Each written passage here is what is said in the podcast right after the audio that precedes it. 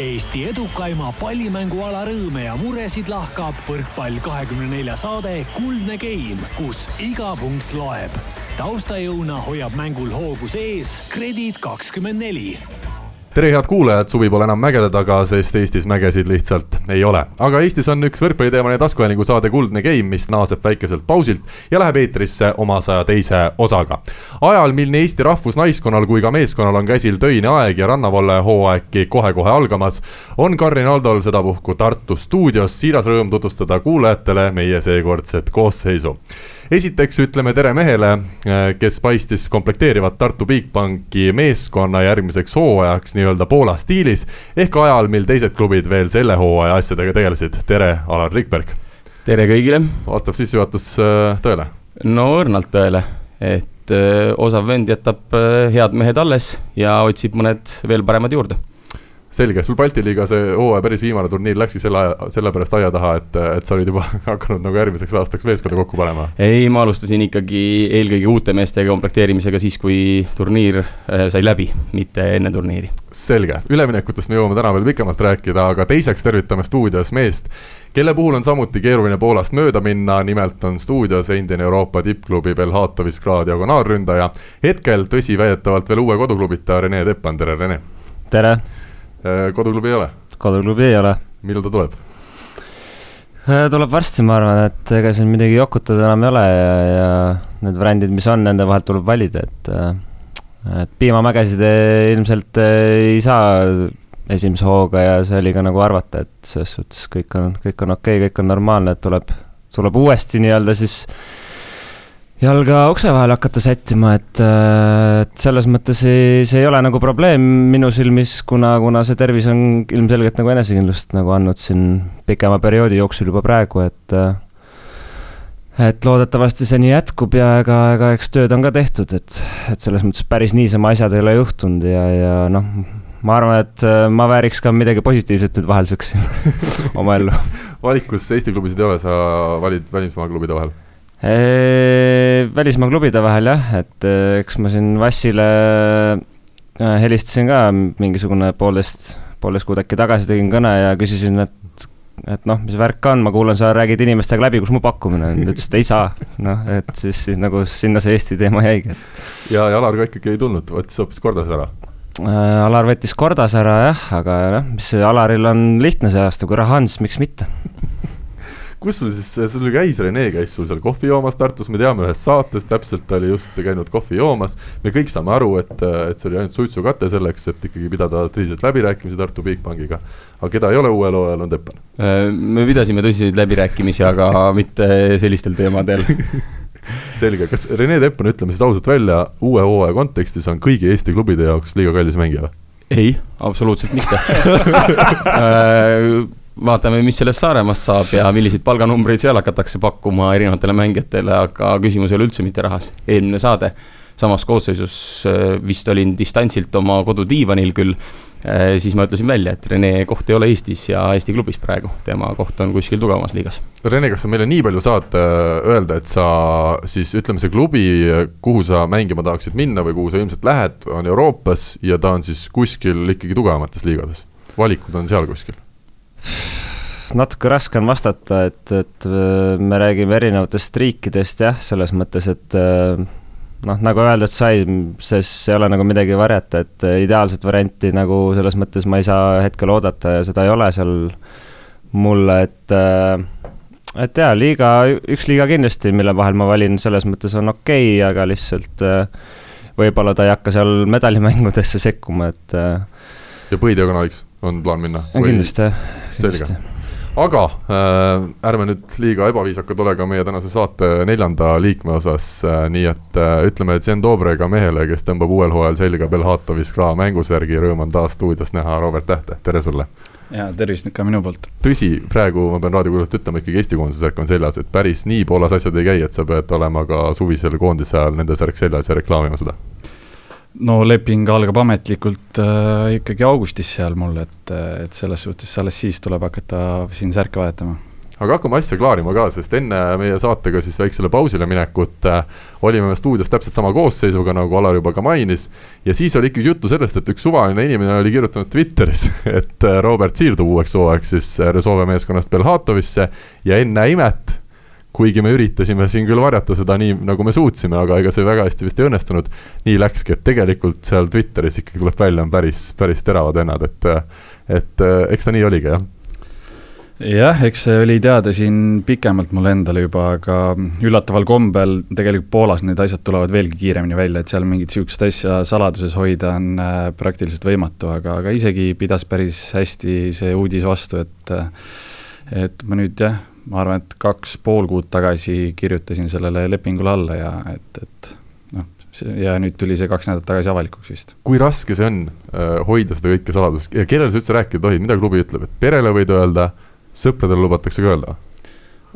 no ja ikka vaata, et see on niisugune asi, et mida lihtsalt ei taha kuhugi äh, meediasse nüüd äh, välja öelda, et, et see ei ole see koht, kus äh, ise mängijana avalikustad, kuhu sa siirdud, klubid tahavad teha seda ise avalikuks ja, ja seda nii-öelda promoda seda asja, et et jah, aga sõpradele siin koondise ringkonnas teadsime meil kõik sellest aga küsimus nüüd selle, te olete kõik Poolas tööd teinud äh, erinevatel aegadel, kes teist kõige paremini poola keelt räägib, ma vaatasin, Robert ka juba seal äh, mingites tervituses rääkis poola keeles, kuigi need sõnad tundusid olevat nii lihtsad, et et ka eestlane minusugune sai nagu enam-vähem aru, millest, millest juttu oli.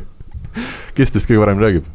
no no ma tahaks ikkagi väita, et ma saan tänaseks kõige paremini aru poola keelest, aga ma tean, et Äll ka oma paari, ei, Äll, see oli kolm aastat no, neli. ma paneks älli peale nüüd okei, et äh, see ka päris hästi. viimane aasta jah, äh, päris naljakas oli see, et äh, Lubinis mõned mehed natuke purssisid, noh, proovisid ka omavahel, aga üllatav oli see, et Rešove, kus oli kõige rahvusvahelisem seltskond, seal tekkis poolakatega äh, täitsa selline olukord, kus hakkasidki poolakatega poola keeles rääkima. et äh, mingisugused koosolekute jutud, omavahelised vestlused, et oli äh, üks mees, keda ka Robert teab, sest me mängisime, äh, ta oli meiega ühes võistkonnas Lubinis, oli Marcin Možonek, kes meie kapten oli.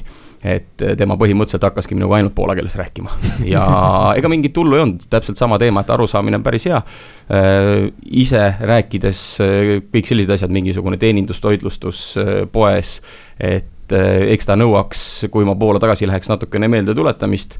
aga tekib juba harjumus, et eh, kui avad mingisuguse plussliiga kodulehe siis esimese asjana pakub translate nupp sulle, et asi inglisekeelseks teha. aga tekkis selge harjumus lugeda ka artiklid juba ikkagi poola keeles. pigem, kui sa oled võrkpalli kahtekümne nelja, sa tõlgid selle poola keelde? Eh, pigem jah, sellepärast et siis on äkki see keeleline, keelekasutus veidi parem sul raks. oota, aga kas äh, sina, Alar, oled meil ju sellest äh, ajastust, kes veel vene keelt natukene pursib? Eh, mitte ei pursi, ma ikkagi Belgorodis töötades rääkisin ka vene keeles kõigiga, et. et kas see poola keel on siis, ma tean, et ta on mingil määral sarnane, aga samas küllaltki erinev või? Ikkagi sarnane, sest paljud sõnad on äh, kas äh, sama või sarnase tüvega.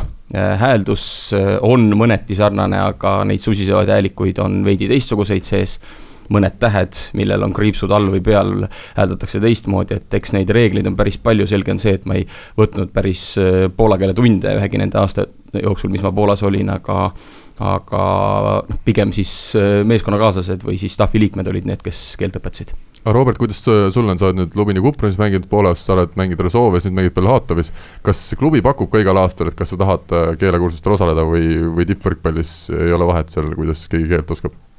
Ei no see on enda juba auasi, et kui oled nii pikalt kuskil olnud, et tahaks seda keelt osata, et see aasta tegelesin sellega põhjalikumalt ka, et üritasin läbi klubi organiseerida endale õpetaja, aga kuna oligi see niisugune Covid äh, aeg ja, ja nii edasi, et siis sellega nad hakkama ei saanud, et see oli see üks asi sellel äh, superklubil nii-öelda, et äh, kõigega said hakkama, aga, aga mulle keeleõpetajat nad lõpuks leida ei suutnud aga see on mul sihuke väike kõrvaleesmärk jah, järgmiseks hooajaks, et see poola keel ikkagi saada niimoodi suhu, et, et, et suudaks rääkida inimestega, jah. kuule, täna te võite vist rääkida, kuna te olete kõik jälle Poola, Poola liigaga, mis ma tuletan kuulajatele meelde, on maailma üks tugevamaid liigasid täna võrkpallis. Olete seotud olnud, et kuidas see protsess siis välja näeb, me teame, et Poolas väga varakult hakatakse võistkondi komplekteerima. sisuliselt esimesed uudised juba mingitest kuulutustest tulevad ju sügisel tegelikult järgmise hooaja kohta.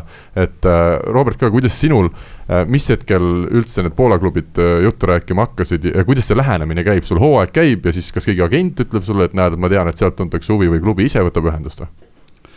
Ehm, ja minul käis see asi läbi agentide, kes käisid mul äh, külas ja, ja siis me hakkasime arutama võimalikke variante, mis, kus äh, lahti on ja, ja siis äh, tuli ka noh, et mis minule üldse sobiks ja meeldiks ja, ja Poolas, kui oli see üks variantidest Belhato, siis ma ütlesin, et okei okay,, et see oleks kindlasti see koht, kuhu ma väga-väga minna tahaksin ja sealt see pall nagu veerema hakkas, et, et ja klubi poolt oli ka ilmselgelt niisugune huvi ja ja ütleme nii, et ma, mul oleks nagu väga õnnelikult, et seal äh, täpselt nende kahe vigastuse vahepeal, mil ma terve olin, et äh, sellel ajal ma selle uue lepingu endale suutsin ära sõlmida, et ajastusega perfektselt kuidas teie kogemus ütleb äh,, Alar statistikutel vist käib treenerite kaudu kõik, kogu see asi, jah?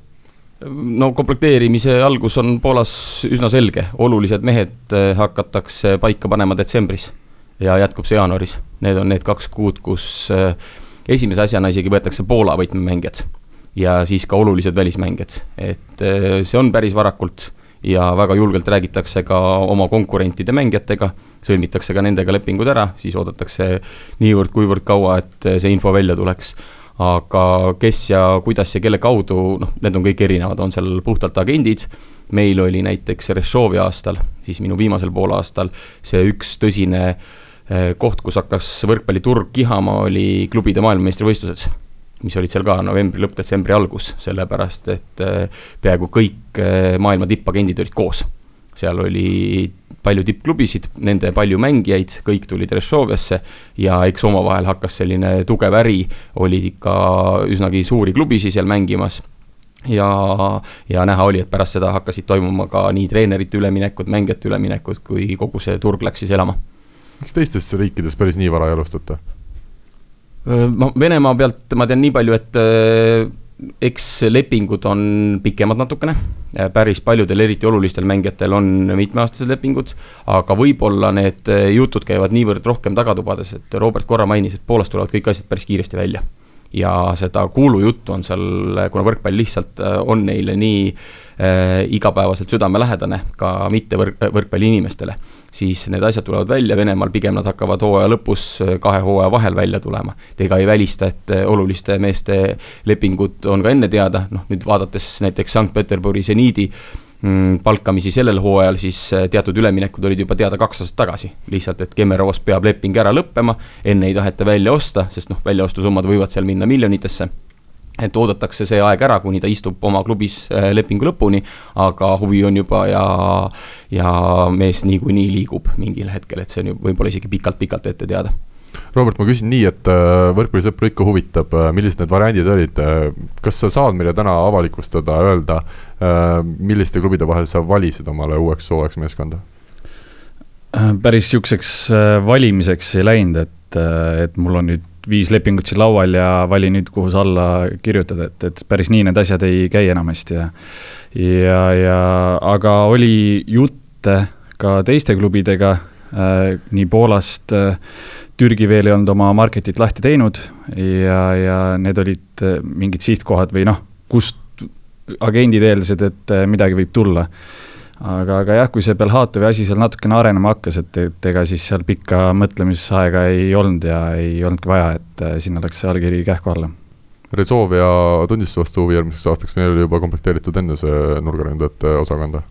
Resovias äh, jah, minu esimese vigastuspausi ajal oli juba teada, et äh, sain arvestada rahulikult, et ma Resovias ei jätka, et palkasid seal Belgia koondislase ja värske Venemaa meistri Sam Deroux, et et, et sellega sai asi üsna kähku selgeks, et et mina pean endale uut koduklubi hakkama otsima, jah. kui karm see on, kui mängija saab keset hooaega tõesti teada, et järgmiseks aastaks on juba meil võistkond paigas ja mängi nii hästi, kui sa mängid, meil sind vaja ei ole? Et ma ei tea, minu jaoks küll mingit jalgu alt ei löönud või mitte midagi, et et et äh, ma teadsin, mida ma sinna tegema läksin, et ma tegi, kirjutasin ka aastase lepingu ja minu eesmärk oli see aasta anda endast nii palju sellele võistkonnale, kui ma suudan, äh, võita nii palju, kui saame ja, ja nii edasi, et, et äh, see, selles suhtes ma ei tea, et võib-olla mingeid mängijaid see mõjutab, aga mul, mind ausalt jah, et täitsa, täitsa ükskõik Rene, meie ütleme, välisspetsialist, kas üleminek Rezoviast Belhatovisse on hea ja õige samm äh, Robile uueks hooajaks, arvestades seda, millised võistkonnad on hetkel kokku tulemas nendesse kahte võistkonda? Äh, klubi seisukohast ma arvan, äh, vahetab selle valge, punase, musta-kollase vastu, selles mõttes ega muud ei olegi, et level on sama komplekteerituse tase on, ma arvan, ka suht sama ja, ja, ja selles mõttes tõesti, ma arvan, vahet ei ole. suurim vahe võib-olla tekib elukohas, et, et palju õnne sulle selles suhtes et Resolve kindlasti on äh, eluliselt äh, toredam koht, kus olla igapäevaselt, aga, aga noh, seda, seda Robert tunda ei saanud see aasta äh, koroona nii-öelda pärast, et sellest on kahju muidugi, et fänne on mõlemas kohas ja, ja teatud momentidel küll jah, meistriliigat Belhatov see aasta kahjuks ei mängi, aga, aga aga mingisuguseid suuremaid mänge mängitakse ka Lutsis äh, Atlas Arenal, mis on ikkagi, ma ei hakka valetama, viisteist tuhat ma päris ei tahaks öelda, aga kuskil sealkandis on see mahutavus ja, ja see on alati, alati täis olnud, kui, kui Skra seal mängib, et äh, et kunagi nad kasutasid seda saali ka ütleme Poola mingiteks finaalideks ja asjadeks, aga, aga üldjuhul, üldjuhul viimased, viimased aastad seda tehtud ei ole, et et see on rahvale hea show ja mängijatele ka mingis mõttes hea show, aga ütleme noh, kui sa ikkagi oled see alaenergia iseenesest on üsna, üsna pisike saal plussliiga mõistes, kus, kus Belhatov mängib ja, ja kui sa ikkagi oled igapäevaselt trenni teinud seal ja, ja mänginud neid mänge, et siis, siis minna viieteist tuhandesesse saali, siis tegelikult sa annad natuke koduväljaku eelise ära, et, et selles valguses on, on see mõistlik otsus. aga, aga noh, ma tean, et äh, on üritatud seda klubi viia sinna Luutsi, et siis, siis muutuks ka selles mõttes Belhatov veel atraktiivsemaks kindlasti elamise kõige, kõige mõttes aga, aga jah, äh, suur energiafirma siiski on sellele pidurit tõmmanud ja arvab, et et, et see klubi peaks toimetama seal, kus, kus on ka nii-öelda see kompanii. palganumber jäi samaks nagu eelmine aasta, tõusis, langes rahast me ei räägi. Rene, tahad sa täpsustada? ei tea. Alar, on sul midagi öelda? Pole aimugi räägime sellest võistkonnast natukene, ma vaatasin, et tänaseks päevaks on ametlikult äh, selge see, kui me räägime siin tuntumatest nimedest Belhatovi võistkonnas, et Lomatš on siis äh, Poola sidemängija, on äh, seal uuel hooajal. Atanasevitš tuleb, vana sõber Serbiast, sul Perugia päevilt tuleb siis võistkonda diagonaalründajaks.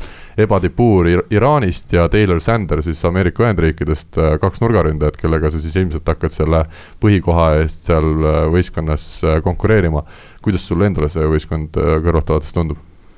Väga huvitav sats kindlasti, muret teeb võib-olla natuke see, et äh, kõige, hmm, et äh, Sander oli terve see hooaeg praktiliselt noh, pooleldi väljas oma vigastustega samamoodi Atanasjevitš, et, et tundub, et selle tiimi märksõna ja ka mina, et olin eelmine aasta pool aega väljas, et tundub, et selle tiimi märksõnaks võib saada mingis mõttes tervis, aga, aga tahakski loota, et nüüd eelmise aastaga said need mured seljatatud ja, ja uueks hooajaks on kõik mehed rivis, et kindlasti sats on vägev, ma arvan. aga samamoodi ei saa unustada, et teised Poola klubid peaaegu kõik tegid ka sammu edasi samamoodi, et, et see tase järgmine aasta plussliigas, julgen isegi väita, et võib-olla ühtluse mõttes kindlasti ja selle kvaliteedi poolest maailma kõige tugevam, et kindlasti ei tohi ära unustada Itaalia tippe ja Venemaa tippe, aga, aga Poola see ühtlus ja, ja see, ma julgen väita, et tegemist on ühe maailma kõige tugevama liigaga mulle tundub, et Rene peab ikkagi võib-olla ootama natukene selle uue lepingu sõlmisega, et võib-olla sügisel on nii, et Belhatovil on kuuendat meest vaja, kes üldse väljakule panna ja, äkki ikkagi tuleb sulle vanade tutvuste kaudu endiselt koduklubilt pakkumine? pigem, pigem ei tule, ma arvan et äh, mis siin ikka, mul, mul selles mõttes ei ole vaja oodata, et äh, Tallinna Selverist Belhatovisse otse on raske minna, et on, on, on, et seal on, äh, aastad on möödunud ja, ja ja ajad on muutunud ja, ja päeva lõpuks ma ikkagi lõpetasin hooaja seal ka vigastusega, et et, et äh, ei, selles valguses ma arvan, seda muret mul hetkel ei ole, vaatame, vaatame mujal hetkel. kiire küsimus, Belhatov jäi siis Poolas neljandaks, see tähendab, et te mängite Cupi või? kahtlen, et Belhatov selle lükke teeb, et, et Cupi hakatakse mängima, et meistrite liigat äh, kindlasti, aga, aga kuuldavasti jah, saab ikkagi kolm võistkonda ainult äh, meistrite liigasse, et siis kahjuks jah, see pronksi mäng Varssaviga seal kaks-üks seerias napilt kaotati, et äh, ise vaatasin ka ja ja pisar oli silmanurgas enam-vähem, kui see viimane pall sinna mängu läks, aga noh, midagi teha ei ole, et siis on järgmine aasta uus eesmärk, mida jälle püüelda, et, et sinna Champions League'i ülejärgmine aasta siis saada sissejuhatus on meil täna olnud väga Robert Tähekeskne ja lõpetame selle küsimusega, kuidas täna tervis on? Kõhulihas on äh, paranenud väga hästi, et äh, aga, aga tundub, et äh, siinkohal võib ka selle ära öelda, et kuldliigas ma tõenäoliselt ikkagi see suvi kaasa ei löö, et tegelengi tervise nüüd täielikult korda saamisega, aga kõik, kõik peale kõhulihasi, ütleme niimoodi, et, et, et eesmärk on, suur eesmärk augustis olla sada protsenti löögivalmis, sealt EM ja sealt edasi eh, hooaeg, et, et selle poole, see on see eesmärk, mille poole ma püüdlen, jah et ühesõnaga välja tuli üks väikene jalavigastus, mis oli sul juba varasemal ajal tunda andnud ja, ja seetõttu pigem on targem kevadel keskenduda ravile?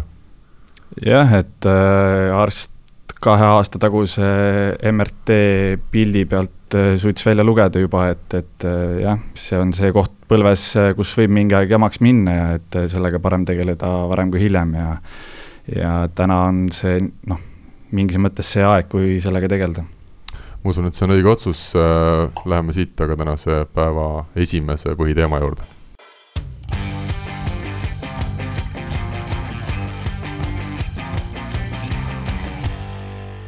naiste Euroopa meistrivõistluste valikturniir lõppes sedapuhku siis nii, et Lorenzo Micheli juhendatav Eesti koondis kaotas Minskit, Minskis peetud turniiril kahel korral nii Valgevenele kui ka Šveitsile ja suve, suve lõpus toimuval finaalturniiril paraku ei mängi. Alar, milline on sinu selline hinnang äh, ja, ja mis sa näed, mille taha see turniir Eesti naiskonnal jäi? Äh, ma nägin neid mänge vähe, enamasti oli meil samal ajal trenn, aga mida ma vaatasin, oli siis esimese Šveitsi mängu lõpp ja üsna lihtne on välja arvutada, et see oligi otsustav. et viiendas game'is oled ikkagi kolmteist kaheksa ees, ei suuda seda asja ära vormistada, ei tea, kas just see otseselt järgmisse mängu kaasa tuli, Valgevene oli tugevaim selles alagrupis üsna selgelt ja Šveitsiga Eestil käis siis võitlus edasipääsu eest, noh, tuleb tõdeda, et see, mida me eelmine kord rääkisime, et kui Eesti EM-finaalturniiril ei saa, siis äh, võib seda läbikukkumiseks pidada. ma arvan, et asjaosalised ise on ka sellega nõus, tuleb neil endal leida mingisugune motivatsioon, kuidas seda suve nüüd jätkata. et äh, selge on see, et äh, peaeesmärk jäi täitmata ja sellest on ikkagi väga kahju ma alustaks võib-olla sellest seda arutelu, et, et okei okay,, Valgevene oli selgelt Eestist parem, siin ei olegi midagi täna öelda. kaks kindlat võitu ja, ja kogu see turniir, aga mängupilt näitas, et Valgevene on lihtsalt tugevam võistkond kui nüüd meie põhikonkurendist Šveitsist rääkida, siis jah, me olime varem küll aastate eest nüüd ütleme viimastel aastatel neid võitnud mitmel korral. aga selgelt paremaks oli läinud nende diagonaalründaja Maja Stork, kes siis, kui võrkpallisõbrad veel ilmselt kõik ei pruugi teada, Saksamaa liiga tänavuse hooaja parim mängija. oli ikkagi rünnakuliider ja ütleme, seal oli mitmeid ju selliseid nooremaid mängijaid veel, kes on nende paari aasta jooksul kindlasti paremaks läinud. samal ajal kui Eesti koondis äh,, raske on näha, et kuidagi me võiks öelda, et see koondis on paremaks läinud, heal juhul oli ta jäänud samal tasemel nagu kaks aastat tagasi, mil siis es esmakordselt EM-finaalturniirile pääseti eks siin võib ka meestega paralleele tõmmata ja mille pärast ma korduvalt olen öelnud, et ühe või teise mehe eh, koht ei ole Eestis, eh, sama tuleb öelda ka ju naiste kohta. et kui sul, noh, palju küll juba leierdatud, aga kui sul on mängijaid korralikes välisklubides, aga nad istuvad pingil ja ülejäänud pool koondist mängibki Eesti liigas, mille tase on ikkagi pool amatöörlik siis äh, ongi väga raske midagi loota ja lisaks diagonaalründajale, ega Šveits ei olnud absoluutselt mitte kehv. Äh, mind isegi üllatas see võim, et nii diagonaal kui nurgaründajad, et seal oli äh, rünnakuvõimsust omajagu ja ei olnud mingisugune lihtne pähkel puremiseks aga noh, vaadates üldse, kes sinna EM-finaalturniirile said, kõik eelmise EM-valiktsükli Eesti jalagrupikaaslased, et kui lihtsalt vaadata nüüd neid riike ja mõelda seda Eesti olukorda või hetkeseisu Euroopa võrkpallis, siis noh, kui kakskümmend neli on peal, siis võimegi öelda, et me oleme kuskil kolmekümnenda koha kandis praegu. ma tean, et äh, jaa. ütleksin omalt poolt ka, et ma arvan, et et äh, asi ei olnud ainult äh, mängu tasemes või niimoodi, et ma läheksin sinna mindset'i või sinna, sinna radadele, et tundub, et või noh, päris kindlasti naistel see EM-ilt edasi, EM-ile saamine muutus eesmärgist kohustuseks ja meestekoondises mängides teame ka ise väga hästi siin, et et see on niisugune, kuidas ma ütlen, paneb neid lisapingeid peale ja, ja tihtipeale sellise pinge all neid äh, mänge mängida on hoopis teistsugune ja ei saa seda nii vabalt võtta, et samamoodi kaks aastat tagasi EM-il, kui meil oli nii-öelda kohustus alagrupist edasi pääseda, äh, me põlesime seal heleda leegiga, et tundub, et naised äh, kordasid nüüd neid samu ridu jah, seda oli tegelikult näha, nagu me ka siin saates sel hooajal oleme, mul tuleb väga hästi meelde Pärnust rääkinud, Pärnu meeskonnast, et et on vahe ka, mil moel kaotada, et me ei saa täna öelda, et Eesti koondis oleks väga ilusat võrkpalli Šveitsi ja Valgevene vastu näidanud, vähemalt stabiilselt mitte, et ma olen täiesti Robiga nõus. seda, kuidas naiskond oligi ebakindel, tundus just, oli, oli, oli paista nagu iga, iga nurga alt. Nojah, seal on, eks hakkab pihta vastuvõtt, sealt hakkas mingi hetk logisema ja noh, lõpuks sa ei saa keskenduda ühele mängijale kogu oma rünnakul, et eh, Kertu Laak toob punktid ära ja ja kui nüüd vastane juba plokis teab, kuhu joosta, keda pidurdada, kuidas kaitses seista, noh, siis on loomulik, et ega ta viitekümmet punkti mängus ei too ja üksi seda mängu ära ei tassi.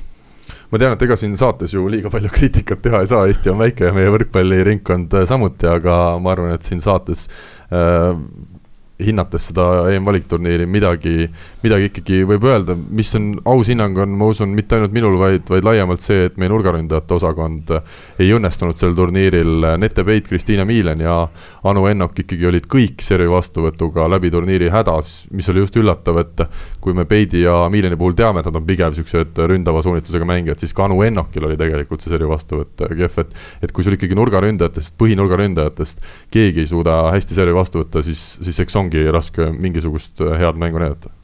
Nojah, ega mõni päev ei ole nii hea vastuvõtupäev, eks siis tuleb teisi lahendusi leida, kõrged pallid ära lahendada, aga kui sellega oled samamoodi hädas, noh, naistel on see veel keerulisem, kõrgest pallist punkti otse saada, et eh, sealt see vahe tulebki ja, ja sealt see lõpptulemus.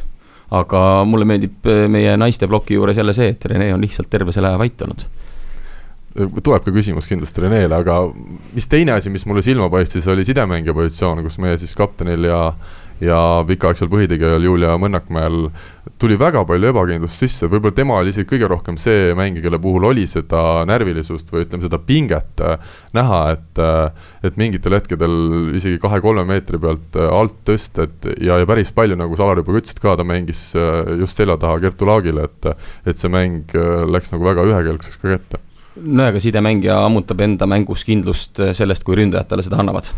Ja kui ei tule ühest poolt, ei tule teiselt, ei tule tempost, eh, siis sa hakkad ka ise kangutama, punnitama. Ja tahes-tahtmata, kui mäng ei suju, eh, see mõjutab ka sidemängijat. noh, kui me räägime väga kogenud sidemängijast, siis eks võivad need inimesed leida käike, olgu need mehed või naised kuidas seda mängumuutust tuua, aga jah, ma olen nõus, et ega siin ei ole vaja tuua ühte või teist asja, et olgu see serv, mis ei olnud nii terav, nagu ta on võib-olla varasematel aastatel olnud, kus Eesti koondis on ikkagi ässasi päris korralikult pommitanud ja vastased surve alla pannud või oli see vastuvõtt või oli see tõste, et noh, neid elemente, kust asi logises või, või ei olnud soovitud tasemel, neid oli palju natuke üllatav minu jaoks oli, et Kaisa Pahmatšev jäi, jäi pärast päris head hooaega Eestis EM-valikturniirilt eemale, et võeti noor sidemängija Kibermann, kes noh, ilmselgelt sellisteks mängudeks on veel liiga noor ja roheline. siin on väga lihtne selgitus, ma olen kuulnud äh, nii-öelda teistest allikatest äh, kõlakaid põhjuste kohta, mis puudutavad siis mängulisi asju, aga sellised otsused teeb alati peatreener ja tema oma otsuste eest ise vastutab. Rene, on veel midagi lisada siin? Ei, vist ei ole. Jah, ega samamoodi, ega ma liiga palju kahjuks ka ei näinud, nägin seda otsustavat viiendat, ma arvan ka, et otsustavat viiendat game'i, mis, mis nagu ära anti, et äh, ega mis siin ikka, selles mõttes palju nagu atra seada aega ei olnud, et äh, võimalused olid võrdsed ja, ja ja, ja läks, ütleme seal diagonaalide duelliks ikkagi olulises mängus ja, ja ka selles mõttes Kerts on hea mängija, aga vastas oli Bundesliga MVP, et selles mõttes ei pidanudki nagu selget üleolekut sealt ka tulema, et et võib-olla me olime ise siis natukene tõesti need ootused pannud liiga suureks, ka naiskonna mängijad ju aga see ongi see edu nii-öelda tegelikult ju, eduga paratamatult tuleb see ka selles mõttes kaasa, et eelmine kord nad ju õnnestusid ja said peale, et äh, seekord ilmselgelt ootasid kõik, et nad juba nagunii saavad peale, et see on noh, paratamatus, nii, nii see asi käib, et äh, et samamoodi me oleme ise sedasama rada käinud ja, ja kui, kui kuskil natukene ebaõnnestud, siis noh, oled ju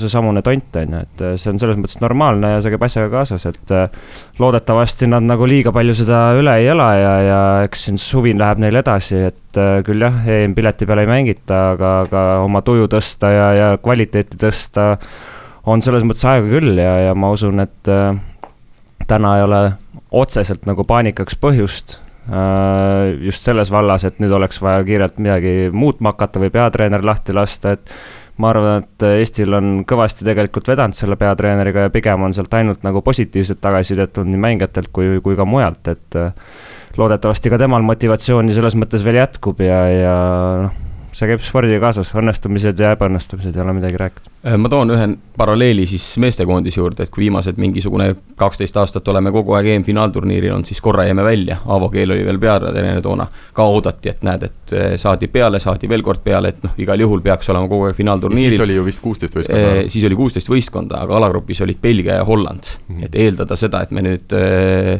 oleme ühest neist paremad, noh, ei saa, kuigi me esimesel turniiril ebaõnnestusime seal kõik kaks-kolm mängud, teisel turniiril alustuseks võitsime Belgiat äh, kolm-üks ja viimases mängus oli võita Hollandit, aga noh, see oli kindel null-kolm saun ja serviti ära.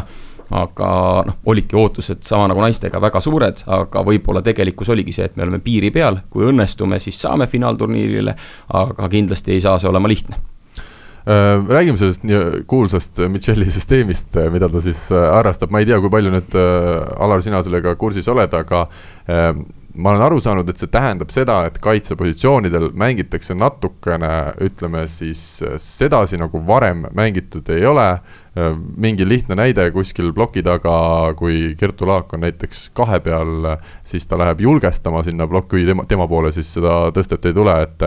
ja, ja siis, kui tema, ütleme, diagonaalründaja on julgestamas, siis ei jää seal sisuliselt mitte kuhugi enam tõsta, kui kaitses pall üles saadakse, kui kuue peale tagaliini, see läks, läks väga detailseks, aga et. et ma saan aru, et mingid sellised nüansid, millest kohati mingid võrkpalliinimesed aru ei saanud, et, et miks need vajalikud olid? see on lihtsalt isegi mitte taktika, vaid peatreeneri Äh, välja joonistatud ja mängijatele selgeks tehtud mängusüsteem. meestekoondises on see täpselt samamoodi. igale elemendile on oma mängusüsteem, mida me iga trenn taga ajame, olgu see plokis kaitses, olgu rünnak või servi idee ja samamoodi on see Michelil. ja arvestades seda, et eelmine aasta juba sellega tegeleti ja eelmine aasta toimis ju päris hästi, kontrollmängud Soomele, kes nüüd sai kindlalt EM-finaalturniirile, me ju võitsime. Äh, jah, aga noh, milleni ma tahan jõuda, et see ei ole asi, mida professionaalne mängija nüüd ütleb, et ei toiminud või ei läinud käima või ei saanud aru. et need asjad pannakse ühe-kahe nädalaga paika meil on tänasest alates siis kavas mängud Lätiga, kus me samamoodi ei lähe sugugi mitte ajama taga mingisugust konkreetset taktikat, äh, kuidas äh, Swansi või Plataksit pidurdada, vaid me läheme mängima oma sisseõpitud süsteeme, neid nüüd mängus näitama.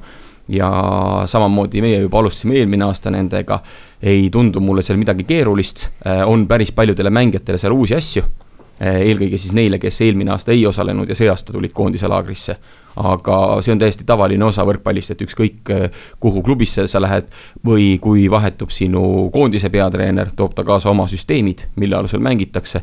Need harjutatakse läbi ja noh, see on siis peatreeneri otsus, et temale meeldib niimoodi mängida ja võistkond peab lihtsalt platsil selle ellu viima. ja kokkuvõttes ma olen ka sellega sada protsenti nõus, et või mina arvan nii, et, et selle Michelli taha see turniir meil ei pruukinud jääda, võib-olla tõesti ta tegi seal mingid valed otsused, aga täna nagu Alar, sa siin ka mõned minutid tagasi ütlesid, et lihtsalt Eesti koondis ei ole veel oma tasemelt kindlalt Euroopa kahekümne nelja parema seas, et me iga kord peaksime EM-ile pääsema. jah, aga mõtleme nüüd ajas natuke tagasi ja ei ole see ainult naistekoondis, on see ka Bigbank Tartu või kunagi Pärnu klubi või ükskõik mis, Andrei Vajametsal ka ikkagi selline kuldne puudutus on olemas mm. -hmm. ja see ei pruugi olla sellest, et ta paneb mingisuguse ülispetsiifilise süsteemi väljakule, võib-olla on see emotsioon, võib-olla võib-olla on see psühholoogia, aga Andreil läbi ajaloo on tulnud kõvasti selliseid häid võite nii klubi kui eh, koondise tasandil ja noh, ega kaotuse eest ikkagi vastutab ka peatreener, siin ei saa mitte Seda midagi öelda.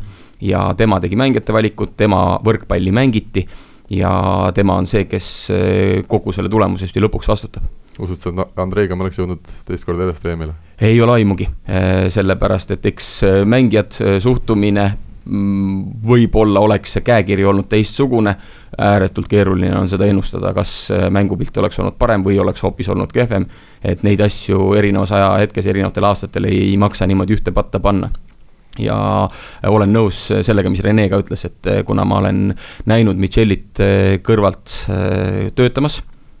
Rešovia hooajal oli siis tema Rešovia naiskonnatreener ja ma nägin, kuidas toimis tema staff, milline oli tema treeningmetoodika, sellepärast meil olid järjest trennid ja kogu aeg saime temaga saalis kokku.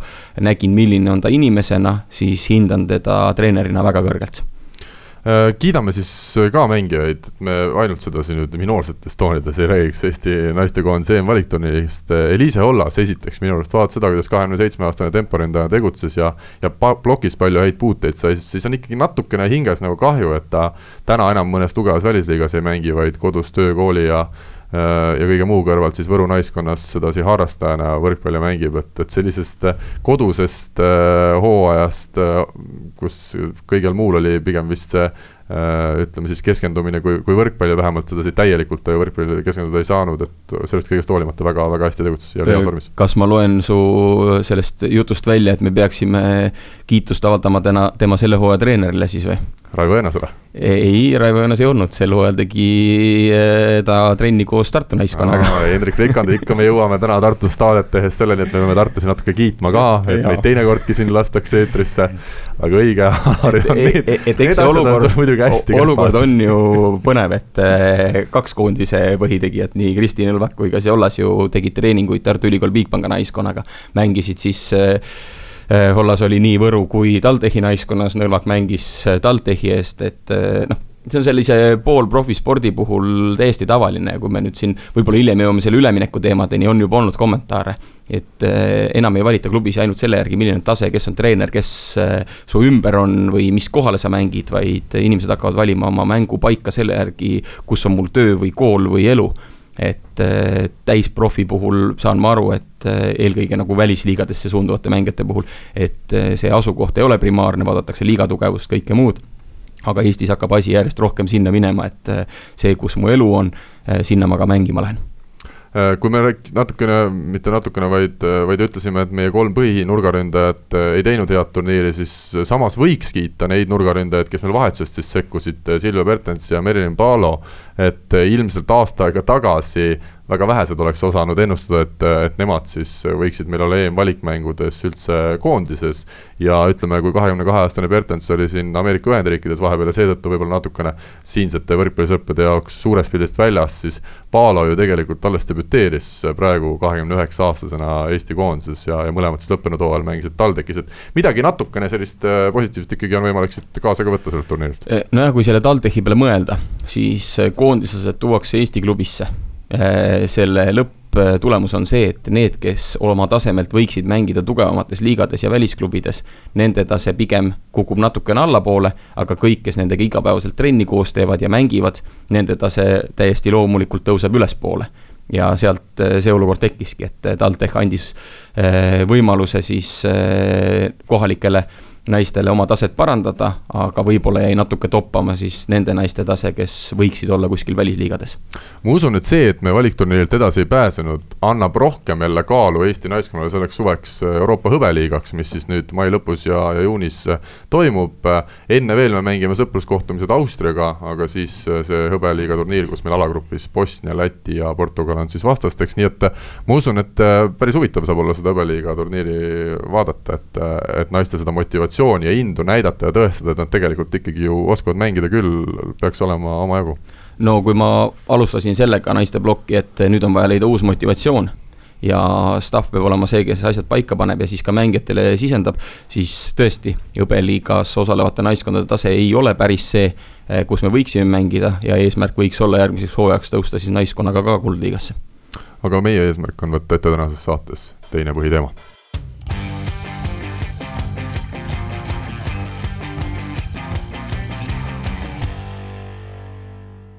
ja nüüd siis läheme üleminekute juurde, et meie saates on olnud väike paus, siis siin on juhtunud vahepeal nii palju, et äh, kõigest me täna kindlasti ei jõua rääkida, aga olulised asjad proovime ette võtta. no Tartu Bigbank vaatab seda komplekteeritust, ostsamu meie, kas me võime järgmise aasta need kolm tiitlit juba Tartusse ära tuua, karikat? Äh, veel mitte, äh, kõigepealt vaatame, mida teevad teised võistkonnad, et väga vähe on tulnud infot. mu enda soov oli, et võimalikult varakult suur osa koosseisust paika saada Äh, eks ma neid vihjeid ju andsin ka, et kohe, kui tuli Martti Juhkami üleminek avalikuks, et on veel tulemas täiendavaid. mis mulle meeldis ja mis oli selle valiku aluseks kõikide mängijate puhul, on mängija enda soov tulla Tartusse mitte see, et sina neid ei tahtnud? see on loomulikult kahepoolne, mina tahan mingisugust mängijat ja tema tahab selles meeskonnas mängida. sest tihti on olnud ka läbirääkimisi selliseid, et mängija võtab endale mitu nädalat mõtlemiseks, kaalub erinevate klubide vahel ja näeb sind kui sellist back-up viimast võimalust, et hea küll, kui mujale sinna-sinna ei saa, siis võin ka Tartusse tulla. aga sellised asjad tahes-tahtmata hooaja käigus võivad lõpuks viia selleni, et ta ei anna endast sada protsenti ja see oligi väga oluline mul, aga noh, ega ei tea veel, kas see komplekteerimine on läbi, et mai lõpuni on aega otsustada, mis saab eurosarjast, kas Bigbank Tartu järgmisel hooajal eurosarjas mängib, et eh, otsust veel ei ole, aga me töötame selle nimel ja kui me osaleme ka eurosarjas, siis eh, võib-olla oleks natuke vaja veel mõelda ka meeskonna koosseisu osas. Eh, just sel põhjusel, et mängude arv läheb suuremaks, tekivad mingisugused reisid, eh, tihedam mängugraafik ja nii nagu sel aastal me ikkagi ajasime läbi ju seitsme-kaheksa põhimehega. siis eurosarjas osaledes päris nii ei julge hooajale peale minna, et, et mingitele positsioonidele polegi vahetusmängijaid Rene ja Robbie küsimus teile, nurkades, võtame siis põhimehed praegu ette, eeldatavasti Hurt, Juhkami, Lepik hakkavad mänguaja eest äh, siis võitlema diagonaalründajana on meil Valentin Kordas toodud TalTechist, temporündajad Saaremaa Soo, sidemängija libero kohal veel väikesed küsimärgid, kas Gert Toobal sidemängijana jätkab? Äh, pigem on plaan ikkagi, kuigi veel lõplikke äh, kokkuleppeid ei ole, aga plaan on selline, et sidemängijana jätkab Gert Toobal ja liberona jätkab Rait Rikberg. nii et Rait tuleb tagasi? Äh, ma usun küll. juba teeb comeback'i, ta nägi ka seda tšekki, mis kirjutati seal. Äh, ta on teinud äh, juba korduvalt, aga eks selge on see, et see aasta läks läbi valu, eriti see lõpp läks tahtejõu pealt, aga põlveoperatsioonid on tehtud, kõnnib ringi minu teada tegi väikese comeback'i juba tenniseväljakul ära. ehk siis tundub, et see keha, mis ei ole enam kõige noorem, siis midagi on seal ikkagi sellist, mis suudab ilusti taastuda ja. ja praegu siis sa rääkisid muidugi komplekteerimisest, ei jõudnud selleni, et abitreener Oliver Lüütsepp. et. Oliver on juba ka Raidule teinud sellise taastusravikava, ehk siis Rait on alustanud treeninguid ja hakkab juba sättima ennast vaikselt vormi. tuleb koondisesse ka või? Äh, ei, ta on öelnud, et koondisega on kõik, aga. ta on ka öelnud, et see ei ole alati lõplik. aga teades seda, siis eh, vaatame, kuidas meil minema hakkab, kuidas meil liberod väljakul hakkama saavad ja mine sa tea, mis üllatusi august võib tuua.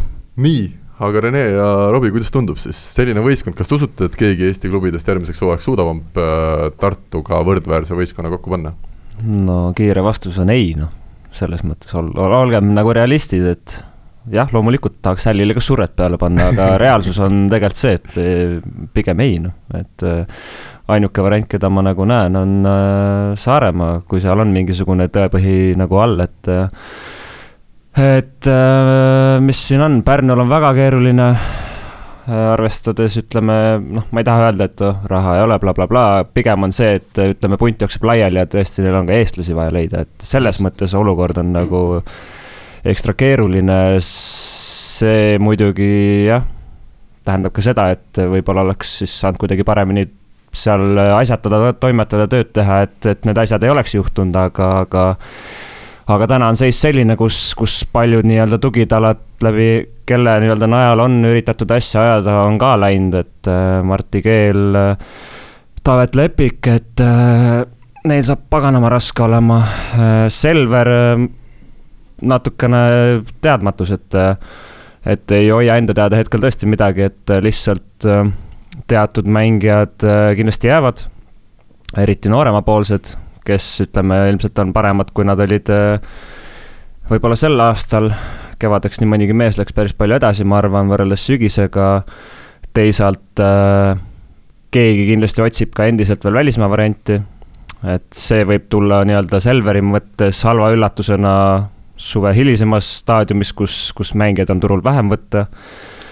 Ja, ja üleüldse, äh, kuidas on vahenditega samamoodi, ma, ma ei oska öelda, et äh, see hooaeg oli nagu selles mõttes natuke teistmoodi ja selles mõttes erilisem, et äh, et välismaalt, välismaalt kindlasti peab mingisugust abi leidma ja, ja mitte halba abi, kui sa, kui sa üldse tahad Tartu vastu midagi siin nagu teha, et pigem, pigem jah, ütleme, see on TTÜ võib-olla teeb midagi, midagi ilusamat kui varasemalt, äh, vähemalt mõtted ja, ja esimesed liigutused seda nagu näitavad, et äh, et loodetavasti nemad suudavad oma taset tõsta, aga, aga jah, tõesti täna, täna tundub, et on väga-väga palju küsimärke ülejäänud võistkondadel enne kui me Grade kakskümmend neli meistriga jah, teistest võistkondadest veel natukene pikemalt räägime, Robbie, sama küsimus sulle nagu Renele, usud sa, et Tartuga suudab keegi uuel hooajal komplekteerida? või no. mitte komplekteerida, vaid konkureerida?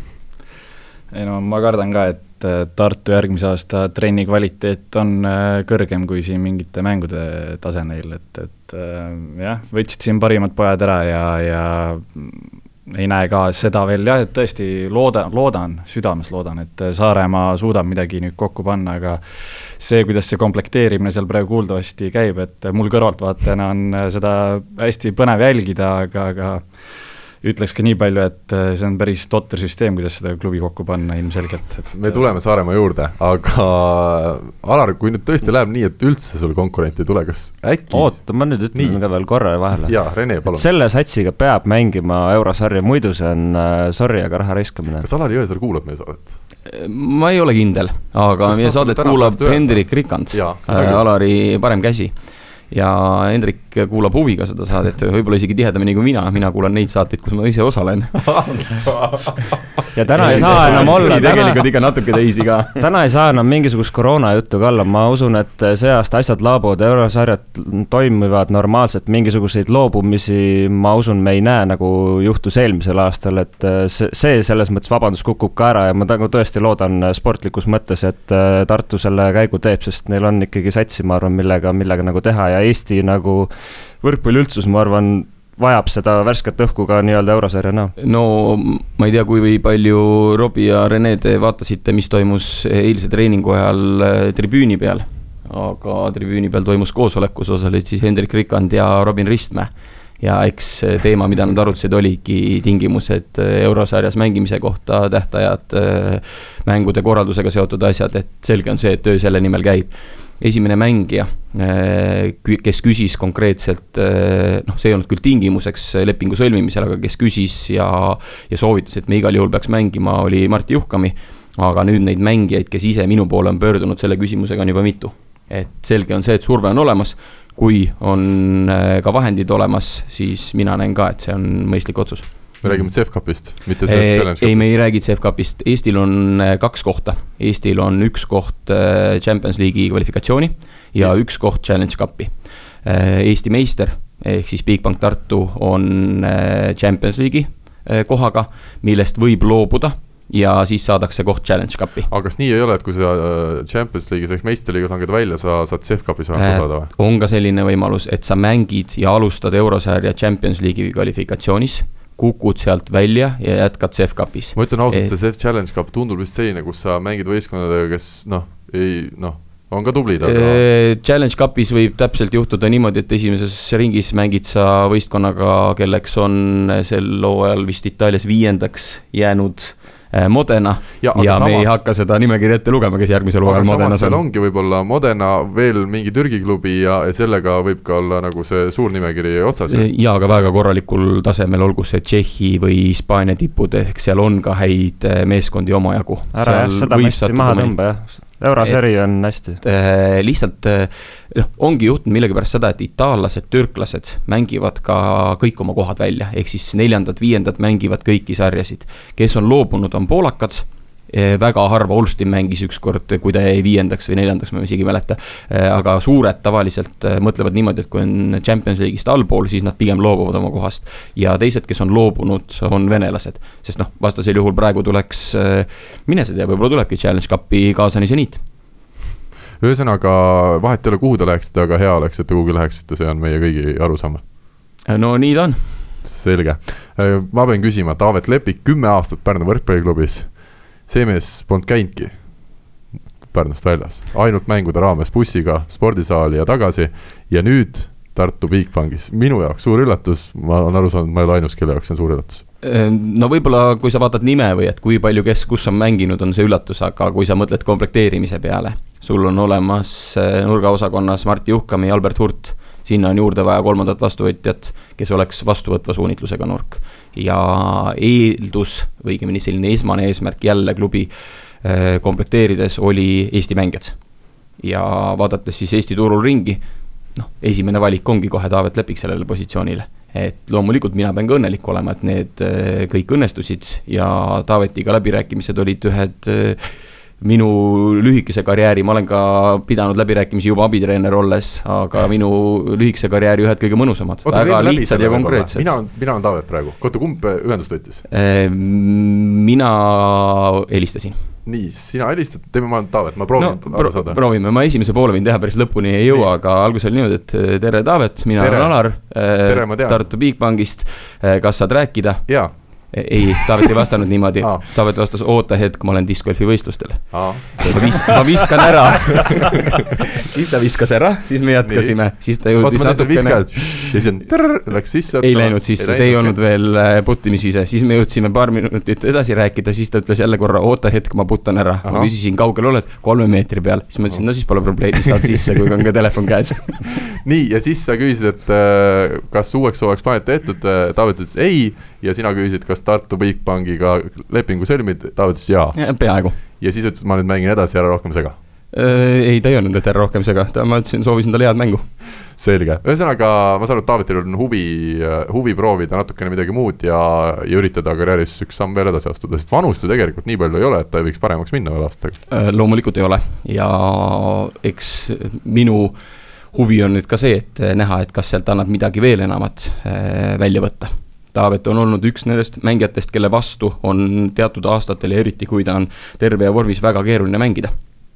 ja eh, nüüd tahaks näha, et kas ka vastastel saab olema tema vastu väga keeruline mängida, kui ta on meie võistkonnas. ma tean, et discgolfis on vastastel väga raske tema vastu mängida, ta on väga hea selles. teades tema taset, siis ma ennustan, et see võib olla Eesti võrkpalli, kasutame seda Toomas Vara sõna, skeene ehk ta võib olla Eesti võrkpalli skeene number üks.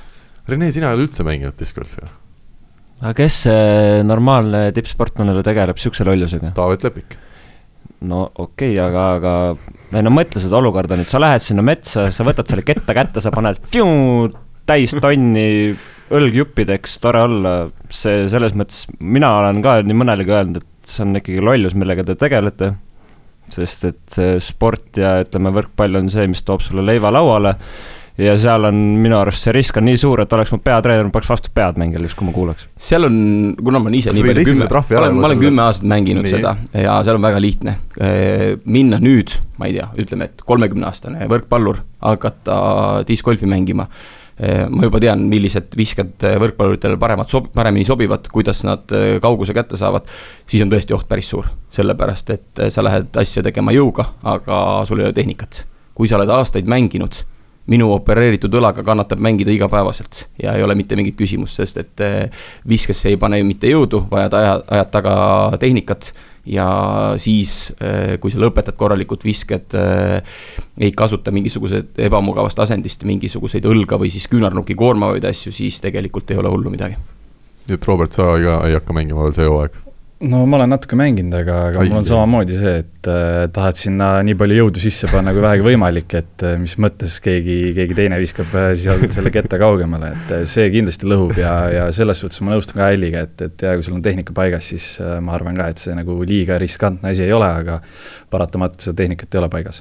minu arust ohtlikum on taas tippsport sobib sellepärast, et seal on need pagana puud on seal metsas ja kui sa paned järjest mitu rada vastu seda esimest puud, siis see mõjub närvisüsteemile, et kui see sama õhtu on veel trenn või mäng, et noh, siis see ei ole hea. siin tuleb äh, väga selgelt välja, kuna ma olen käinud mängimas väga-väga äh, paljude erinevate inimestega, siis siin tuleb välja nüüd sportlase ja mittesportlase vahe. kui sa kuuled metsas äh, ropendamist karjumist, iseendaga sõimlemist, siis enamasti need ei ole inimesed, kes on teinud mingil heal tasemel sporti. et eh, kui sportlane võtab seda pooleldi kui meelelahutust, siis need on üsna rahulikud ja need emotsioonid küll üle pea ei käi, et sul vastu puud see ketas lendab. võib-olla tõesti, olles käinud ka koos Karl Rinaldoga discgolfi mängimas, siis eh, juhul, kui sa mäletad, siis minu ja Kristjan käis mäng kujus, kulges selliselt rahulikumalt ja sina olid see, kes endaga natuke pahurdas. ei olnud üldse, aga no see, see jäägu sinna, kes tahab teada saada, kuidas tegelikult tegelikult asjad on, kutsuge meid Alariga mängima, aga äh, kiiresti veel Valentin Kordas ka, jälle huvitav üleminek. tõesti, ma pean neid küsimusi küsima, sest ma usun, et see on laiemale võrkpalliüldsusele ka huvitav teada. Kordas Tartu Bigbanki meeskonda, millised plaanid sul temaga on ja kui lihtne temaga oli kokkuleppele jõuda äh,? ei olnud mu eesmärk võtta ära teistest võistkondadest nende võtmemängijaid ja meie ei võtnud ühendust Kordasega, vaid Kordase agent võttis ühendust Hendrik, Hendrik Rikandiga. kes on Kordase agent? Chiara. ja läbi agendi see suhtlus algas. oota, oota nüüd, oota korra, kas see on Eesti ajaloo esimene Eesti-sisene üleminek, kus sekkub agent või? kahtlustan, et see võib olla Eesti võrkpalli ajaloo esimene kord, kui käisid läbirääkimised läbi agendi aga selgelt, selgelt rääkisime ka Kordase endaga ja äh, vastates su küsimusele, plaanid on päris suured, et äh, näen küll, et äh, sellel mehel on perspektiivi, kasvõi koondise laagris esimesed nädalad on näidanud, et temas on sisu, väga tugev võitleja hing. see on nüüd kõik vaja võrkpalli panna. Mm, võib-olla natukene tema jaoks on see samm, mis ta nüüd koondises tegi selline harjumatu, et äh, need pallid, mis muidu jääksid äh, siin liigas ikkagi maha ja punktiks, siis tihti tuuakse kaitses üles.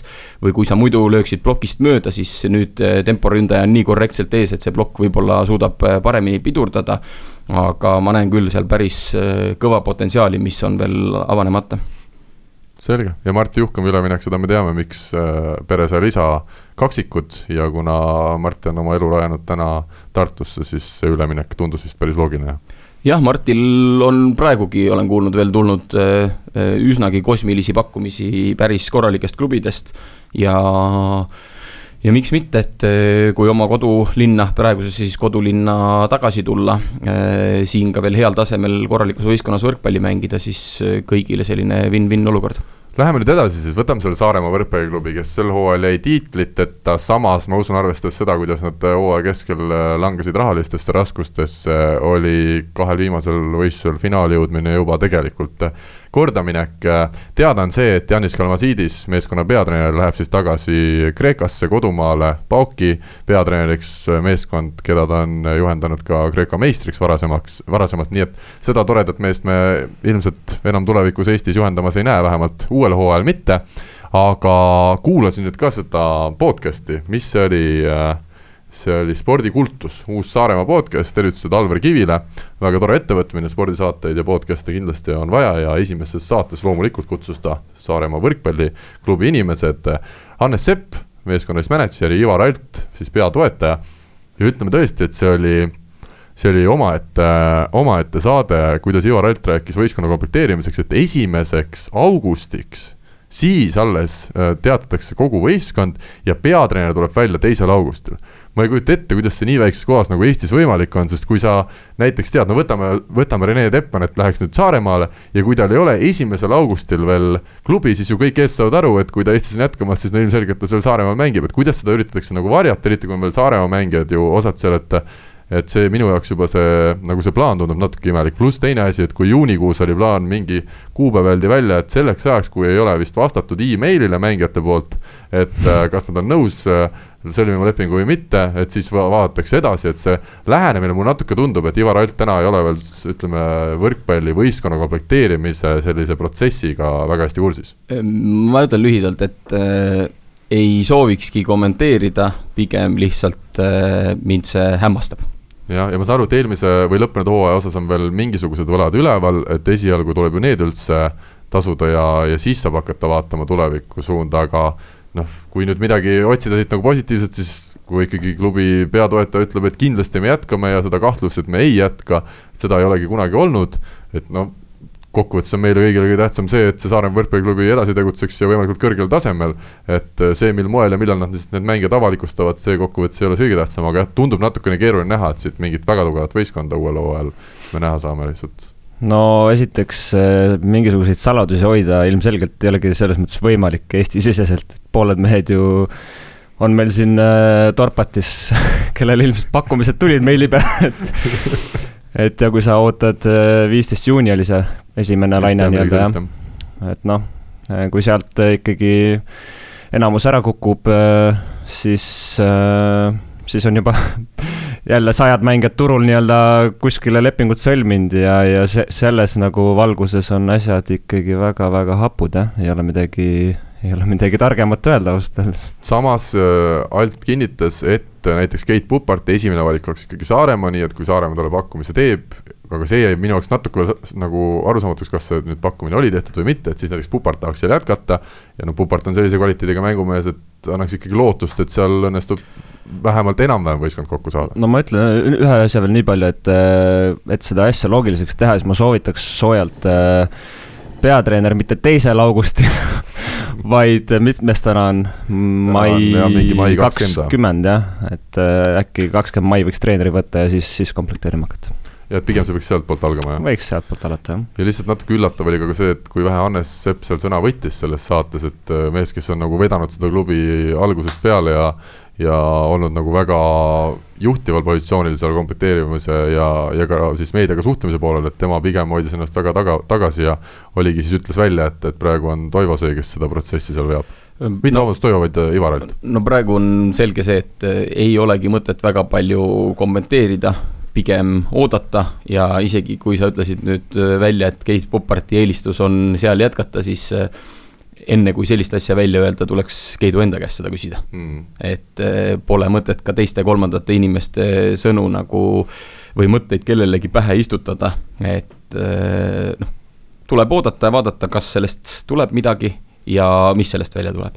loomulikult eh, mulle meeldiks, kui Saaremaa võrkpalliklubi jätkab ja jätkab korraliku võistkonnana et olgugi, et ma tean, et mul on võistkonnas üks-kaks meest, kes äh, teevad nägusi siis, kui jälle tuleb bussi istuda ja ees ootab viie-kuuetunnine reis Kuressaare poole aga samas needsamad äh, vanemad mängumehed on ka öelnud, et äh, kellega siis veel mängida, et ega Jelgava ja Taugapilsiga mängimise pärast me ju igapäevaselt tööd ei tee, et me teemegi nende mängude nimel, see aasta oli väga mõnus näha, et eelkõige siis, kui olid tulemas mängud Selveri või Saaremaaga muutus äh, suhtumine trennis veel paremaks, äh, muutus ettevalmistusmänguks. ei hädaldatud, kui koosolek läks viis või kümme minutit üle aja, mis me enne mängu tegime, et need olid need, kuidas suutsime ennast mobiliseerida ja motiveerida enda parimat siis andma. üks asi, mis kindel mulle tundub, eestlasest peatreenerit Saaremaa võrkpalliklubil küll uuel hooajal ei ole, sest meil ei ole vist turul hetkel ühtegi sellist treenerit, keda kes Saaremaal tahaks äh, minna ja keda või kellest ka Saaremaa huvitatud võiks olla? ma tean, et eestlastele on ka pakkumisi tehtud ja ei tasu alahinnata seda, et äh, noh, üldse kõikide võistkondade puhul, Eestis on veel treenereid, kes tegutsevad kas madalamal tasemel või noortega, aga kus võib olla potentsiaali äh, tegeleda meistriliiga meeskondadega, et me ei saa öelda, et eh, treenerite puudus selles suhtes oleks. on inimesi, kellele. ma ei usu, et Saaremaa võtaks endale Eesti no vot, see ongi nüüd küsimus, et eh, milline nende idee või mõte on, mina sellest hästi aru ei ole saanud ja see, mida Rene ütles, on kõige õigem, et meeskonda komplekteerides mina vähemalt küll tahan peatreenerina otsuseid teha, loomulikult seal on klubi juhtide nägemus, seal on eelarvelised võimalused, aga see loogika, et eh, peatreener tuleb ja meeskond on talle valmis tehtud, ei ole kindlasti ühegi peatreeneri eelistatud olukord. igatahes kokkuvõte on see, et me soovime Saaremaale kõige paremat ja loodame, et nad saavad tugeva võistkonna, see on, ma arvan, meie kõigi ühine huvi. Läheme edasi, Tallinna Selveri saade me oleme, aga üha vähem, üha vähem me Selverist räägime kuidas siis nii, Rene, mis, kui sa hakkad veel järgmine aasta välismaal mängima, me oleme ju ristitud selgeks Selveri saateks, meil on jälle Alar on stuudios, meil on Robert Täht, kes ei ole kunagi Selveris mänginud, kusjuures. aga ilgelt tahaks. aga nii et Rainer Vassiljev, kuigi nüüd selleks jaoks ei saa, aga me teame, et kuna Poolas juba niikuinii Robiga juba praegu, ma arvan, klubid räägivad siin äh, ülejärgmiseks hooajaks äh, mingit lepingut, äh, et siis Rainer peab hakkama varakult suhtlema, aga aga mis me selle Selveri kohta ütleme, tõesti, mina olen kuulnud väga vähe Selveri kohta ja ma tean, et ega seal ongi suhteliselt vähe praegu veel kindel. No ega natuke sai siin põgusalt räägitud ka, ega lisada midagi on raske, et äh, noh, tõesti, ma, ma, ma ei tea ka noh, et äh, me oleme Raineriga paar korda rääkinud, aga me ei ole otseselt Selveri teemat kui sellist nagu puudutanud, sest et äh, noh, suure tõenäosusega mul ei ole seost selle klubiga järgmisel hooajal, et et, et ongi, ma räägin, mingisugused noored ilmselt teavad, mingid mehed ilmselt otsivad veel mingisugust mängupaika kõrgemal tasemel ja, ja ongi, et, äh, et ma sain aru, et Selver ikkagi selles mõttes jätkab toetamist samas mahus, mis on väga oluline, see on ikkagi peasponsor, eks ole. mis seal nagu ümberringi toimub, seda, kui me räägime sponsoritest, seda ma täna tõesti ei tea. Äh, kas, kas Graanul, Koromets, kas, kas nad on nii-öelda ka järgmine hooaeg Selver Tallinnaga, ma tõesti ei tea, ma ei ole klubi koosolekul osalenud, et äh, et kui on, on suheldud Selveri inimestega, siis muudel teemadel, pigem, pigem isiklikel teemadel, et et jah, neil, neil kindlasti on raskem, kui, kui, kui oli eelmine aasta, et et jah, Raineril on ka vist selline vist on variant, et kui ta ja, soovib, siis ta võib ja. välismaale minna, aga aga, aga ma usun, et selles mõttes, kas ta läheb või ei lähe, et ta kindlasti on tööd teinud selle järgmise aasta nii-öelda satsi, satsi komplekteerimisel, et aga, aga kes, kus, mis mis mulle siis tundub, et äh, kui meil on teada täna, et äh, Kristo Kollo läheb Soome Agasse, meil on teada, et Andrus Raadik läheb samuti ilmselt Soome liigasse tagasi, see on suhteliselt kindel juba, Rene, nagu me täna juba oleme kuulnud, ilmselt ka Selveris ei jätka, et kes need nagu kogenud mehed võiksid olla, et need peavad ilmselt kõik tulema välismaalt, kuigi tõsi, mõned Eesti mängijad on veel turul äh, vabad, siin on Indrek Pulgast räägitud, tema edasine tulevik on ju lahtine ja no mõnele mehe leiab veel, aga, aga ega see kerge ei saa olema just nende Eesti mängijate osas vist. no me räägime ikkagi praegu maikuus järgmise hooaja komplekteerimisest, Eesti kohta on see päris vara. et see, kui läbirääkimised mängijatega toimuvadki suve jooksul, juuni-juuli, kui pannakse see võistkond paika, on üsna tavapärane praktika ka varasematel aastatel olnud et äh, anname aega, ei ole veel nii kiire ja Eesti klubid ei konkureeri maailma tippmängijate nimel, kes siis äh, kevadel paika pannakse. vaid komplekteerivadki teise ja kolmanda ringi mängijate nimel, keda turul on oi kui palju saada ja lisaks siis, äh, kui sa mainisid mõned võimalikud klubivahetused Eesti sees, siis üsnagi reaalne on ka see, et mõni sel hooajal välismaal mänginud eestlane tuleb ka Eestisse tagasi et mängijaid on meil piisavalt, ma olen ammu öelnud, et heal tasemel õigemini sellisel arvestataval tasemel meeskondade komplekteerimise jaoks viis meeskonda meistriliigas on optimaalne arv mm.. nii palju mängijaid on olemas, siis saavad ka teatud paremad noored oma võimaluse. kui siin oli mingi hooaeg kuus ja seitse, eh, läkski asi natukene naljakaks, toodi väga kahelduva, kaheldava väärtusega välismängijaid Äh, kuskilt äh, USA-st lennutati kohale.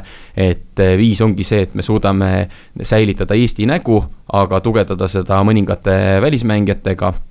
Ja kui on treenerid, kui on finantsvõimekus, küll võistkonnad ka heal tasemel ära komplekteeritud saab. mis mul praegu pähe tuli, ma tean, Mattias Medel on siin erinevate Eesti klubidega võtnud ühendust, et mis uuel hooajal saab, kuna ta vist kihlus eestlannaga nii et äh, ma ei tea, kas see nüüd Selveri puhul variant on, aga võimalik äkki üks mõttekäik. üks mõttekäik, aga ma tean vähemalt kolme sellist välismängijat, kes, kes võib-olla veel ei ole kihlunud, aga kes soovivad mängida Eestis ja põhjuseks on nende kaunid, eestlasest elukaaslased. kaunid eestlased elukaaslased. ühesõnaga, Eesti naised päästavad siin Eesti klubi võrkpalli.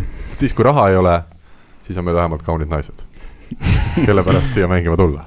väga kahtlaseks läheb su jutt, tundub, et sa hakkad kupeldama siin midagi ei, ei, ma lihtsalt kiidan Eesti kaunid, kauneid naisi Alar, sa ma-, sa mainisid, et, et on veel neid mehi, keda, kas sa siin saad välja tuua? Jah, ma arvan, see ei ole saladus, et need on ka äh, soovinud Eestisse siis tagasi tulla, üks neist on äh, Pärnu lätlasest temporündaja Tom Swans. aga ei ole kindel, et ta Pärnus jätkab minu teada? ei ole kindel, aga soovib Eestis jätkata, kuigi see ka ei ole sada protsenti kindel. et noh, kokkuvõttes, kui sulle ikkagi arvestatavat pakkumist ei tehta, siis sa teed mingisuguse muu valiku. ja teine on siis austraallasest temporündaja Bo Graham, kes kaks aastat tagasi mängis Saaremaal vot, selline info, nii et kui ei saa Eesti mängijaid, siis on välismaalased, kes tahavad siin nagu väga tagasi tulla. aga huvitav on see seis igatahes Selveriga, tuletame meelde, et tegu on tänavusest hooajast Eesti karikavõitja ja Balti liiga võitja ka. nojah, et ega sinna nimistusse selles mõttes võib ju tegelikult lisada ka Renet Vankri, kes avaldas ise soovi välismaale minna ja, ja koondise mängud on ka veel ees selles mõttes ja, ja ta ei ole, ma arvan, üldse halvasti siin tegutsenud, et mingid mängud, ma usun, et ta saab kindlasti oma võimaluse ja, ja ja, ja läbi selle, läbi selle on võimalik ka temal täitsa, täitsa kuhugi minna. täiendaks veel nii palju, et tükike seda Reneti arengut annaks kindlasti kolmikule Rene, Kristo ja Andrus ja korraliku tükikese annaks ka peatreener Rainer Vassiljevile sest Renet tõesti on ennast näidanud äh, väga sümpaatselt koondise laagris. aga klaarime ka siis selle hooaja eel räägitu ära. et äh, hooaja eel äh, arutasime, milline Eesti klubide treener või mille alusel hinnata, et kes siis kõige parem on. aga see, mis ma välja ütlesin, sinna nende sõnade taha ma ka jään, kes kõige rohkem tiitleid võidab, see on kõige parem. sel hooajal oli Rainer Vassiljev Eesti parim treener. vot see on ilus sõnavõtt mehelt, kes tuleb Eesti meistriks aga läheme edasi, äh, Pärnu võrkpalliklubi. Äh, kui alguses oli teada või tuli see uudis, et Taavet Lepik läheb äh, Tartu Bigbanki, siis nüüd on tulnud uudis ka sellest, et meeskonna pikaaegne kapten, sidemängija Martti Keel on otsustanud ikkagi Tallinnasse tagasi tulla, minna siis TalTechi õppima ja kuna ta töötas ja elas niikuinii Tallinnas, siis need Pärnu sõidud jäävad nüüd ära, huvitav üleminek, kui nüüd Aleksander Eermaa peaks TalTechi sidemängijana jätkama, siis seal saab olema päris kõva konkurents selle põhikoha eest ja, ja tõesti, TalTechist endast me jõuame veel rääkida, aga aga Pärnu, see saab olema huvitav, kas ikkagi üks keel seal võiks sidemängijana lõpuks äh, mängida või, või, või mis sellest Pärnust üldse saab? mina seda ei tea, aga ei ole küsimus ainult seal sisemängija positsioonil. vaevalt et Aavo Keel sidemängijana jätkab. ma ei pidanudki teda niivõrd silmas. Äh, vaatame, ootame, äh, kui need asjad paika saavad, aga, aga huvitav on näha, milline on see Pärnu võistkonna nägu järgmisel aastal ma usun, kas just samad, noh, teada on, et vähemalt ju kaks kindlasti on lahkumas lätlastest, aga ma usun, et me näeme Pärnu koosseisus ka järgmisel hooajal äh, Läti mängijaid. Äh, me teame siis täna, et Osolins on lahkumas ja Plataks on lahkumas või? lahkunud. lahkunud ja, jah. Osolins siis äh, Prantsusmaale Pro B-sse ja Plataks mängib järgmise hooaja Tšehhis aga Swansi puhul on veel küsimärk õhus, võimalik, et jätkab Eestis, aga ei tea veel, kas Pärnus, see on see info jah Silver Maar, ma tean, tahab ka välismaale minna, et äh, lihtsalt saab olema huvitav näha, et Pärnu peab ju sisuliselt kogu võistkonna ümber mängima. seal heal juhul jääb põhikoosseisust üks või kaks mängijat alles. no kolm nime, kes on välja käidud, ehk siis teine sidemängija Richard Voogel jätkab, äh, nurgaründaja Tomi Tam-, Toni Tammiksaar ja siis uh, uus nurgaründaja Õue Kallas, kes juurde võeti. ma ütlen juurde lihtsalt, et Ivari Õue Kallas on siis Kristjan Õue Kallase lähisugulane, vist üks onupoeg, midagi sellist ja Ivari oli siis tänavu uh, Audentese spordigümnaasiumi esiliiga võistkonna ütleme, parim või üks parematest mängijatest, et et huvitav nägu kindlasti, aga, aga samas kindlasti ka mitte ilmselt veel mees, kes hakkab medalid äh, Pärnule tooma. nojah, eks Pärnul ju ka sel hooajal käisid ka väljakul eh, omakasvandikud, et noori seal võistkonna juures oli. selge on see, et mõistlik oleks need seal säilitada aga noh, nagu sa mainisid, et küsimus on siis selles põhikuuikus ja tuumikus, kes mängima hakkavad, kui palju sinna ja keda juurde tuuakse. aga kas see Õe Kallas lõpetas gümnaasiumi või, või? ilmselt küll jah, jah, jah okay aga mis on Pärnul teinud olukorra minu arust keeruliseks, on kahe asja kokkulangemine. esiteks, äh, kui Pärnu siin mõned aastad tagasi veel oli Eesti liiga tippude tipp, siis nüüd on tulnud äkitselt äh, ikkagi mitu meeskonda ümber, kes on selgelt tugevamaks läinud, ehk siis nendel ei ole sellest taseme hoidmisest isegi kasu olnud. ja teiseks on seal nüüd Pärnu sadama näol ikkagi väga kõva korvpallimeeskond, kes tuli äsja Eesti meist-, meistrivõistlustel hõbedale, mängib uuel hooajal eurosarja ja oleme ausad, selline võistkond, kes on ikkagi hetkel nagu kerkinud esile, on oluliselt apetiitsem ka potentsiaalsetele toetajatele, kes mõtlevad, kuhu nüüd raha panna, kas võrkpalli no, või korvpalli. seda asja võid veelgi laiendada, pane sinna juurde ka Pärnu jalgpallimeeskond ja kui me mõtleme tagasi ajale kakskümmend aastat tagasi, siis Pärnu oli selgelt võrkpallilinn. nüüd see staatus, kas ta just kadunud on, aga võitlus käib alade vahel kõva ja Pärnu ei ole nii suur linn, kui sa mõtledki neid kohalikke ettevõtjaid või potentsiaalseid toetajaid, siis eh, eks neil omavahel käib ka päris tihe rebimine, ma usun seal nii et lihtne ei saa Pärnul olema, aga samamoodi nagu teiste klubide puhul soovime neile kõike kõige paremat ja loodetavasti ikkagi korralik võistkond kokku äh, pannakse. TalTechi võistkonna võtame ka ette äh,. see on siis võistkond, kellest mina vist viimases saates ütlesin, et ma ikkagi ootan selgelt äh, järgmiseks hooajaks sammu edasi. ja tundub, et see samm edasi võib tulla, Uku Rummi meeskonna mänedžer kinnitas, et plaan on äh, taset võistkonnal tõsta. Marti Keele üleminek seda juba tõestab, äh, samuti on siis äh, välja öeldud, et ka selliseid, ütleme Eesti liiga mõistes A-kategooria mängijaid proovitakse võistkonda tuua, ütleme Tallinna klubil kindlasti on see täna natukene kergem kui näiteks just Pärnul, kus, kus ütleme, sellist kõrvaltegevust on väga raske mängijatele leida tuleb oodata, et teada on üks ja nii see elu läheb läheks palju lihtsamaks, kui jääksid sidemängijad nii Eermaa kui ka siis liituv Marti Keel. Tal on võimalus kahe vahel kombineerida, aga päris paljud võtmemängijad tuleb lihtsalt oodata, mis need nimed on, kes nad on ja siis saab öelda, et millise potentsiaaliga see meeskond järgmisel hooajal on. Jah igatahes äh, ma usun, et lähinädalad toovad meile jälle uudiseid ka selles vallas. välismaa osas äh, väga lühidalt, äh, mis meil siis täna ütleme, võib-olla kõige selline meeldivam sõnum on ikkagi viimastelt nädalatelt või viimase kuu jooksul tulnud, et Märt Tammearu Tartu Bigbankist läheb Belgia tippklubisse Roselaaresse ja hetkel seisuga siis ainus eestlane, kes uuel hooajal ka meistrite liigas hakkab mängima. Märdi edasiminek on kindlasti selline kiitu või kiitmist väärt. soovin talle edu saab ta Roselaares põhimeheks, mis äh, meie mehed hindavad, seal on konkurente küll, aga, aga ma saan aru, et üks põhikonkurent on umbes tema enda vanune selline noorem mängija. konkurent äh, ja konkurents on igal pool, et äh, ma arvan, kõik on ta enda kätes ja, ja ta sai suhteliselt ideaalilähedase nii-öelda variandi töö tegemiseks, et küll jah, see võistkond muutub olulisel määral võrreldes varasemaga, et, et võib-olla seal Belgia liigas tuleb neilgi pusimist nagu rohkem võrreldes varasemaga, aga aga üldjuhul ikkagi Ruusalar on selline võistkond, kes, kes ikkagi natuke saab sättida seal koosseise ja asju ja ikkagi ollakse pooltest satsidest ikkagi selgelt nagu üle, et et selles mõttes kõik saavad kindlasti oma võimaluse ja, ja eks Märdil ilmselgelt ju potentsiaali on, seda me teame kõik, et tööd on, tööd on kõvasti teha, aga, aga töö tegemiseks on üks, üks parimaid kohti, ma arvan, ja, ja sealt ütleme,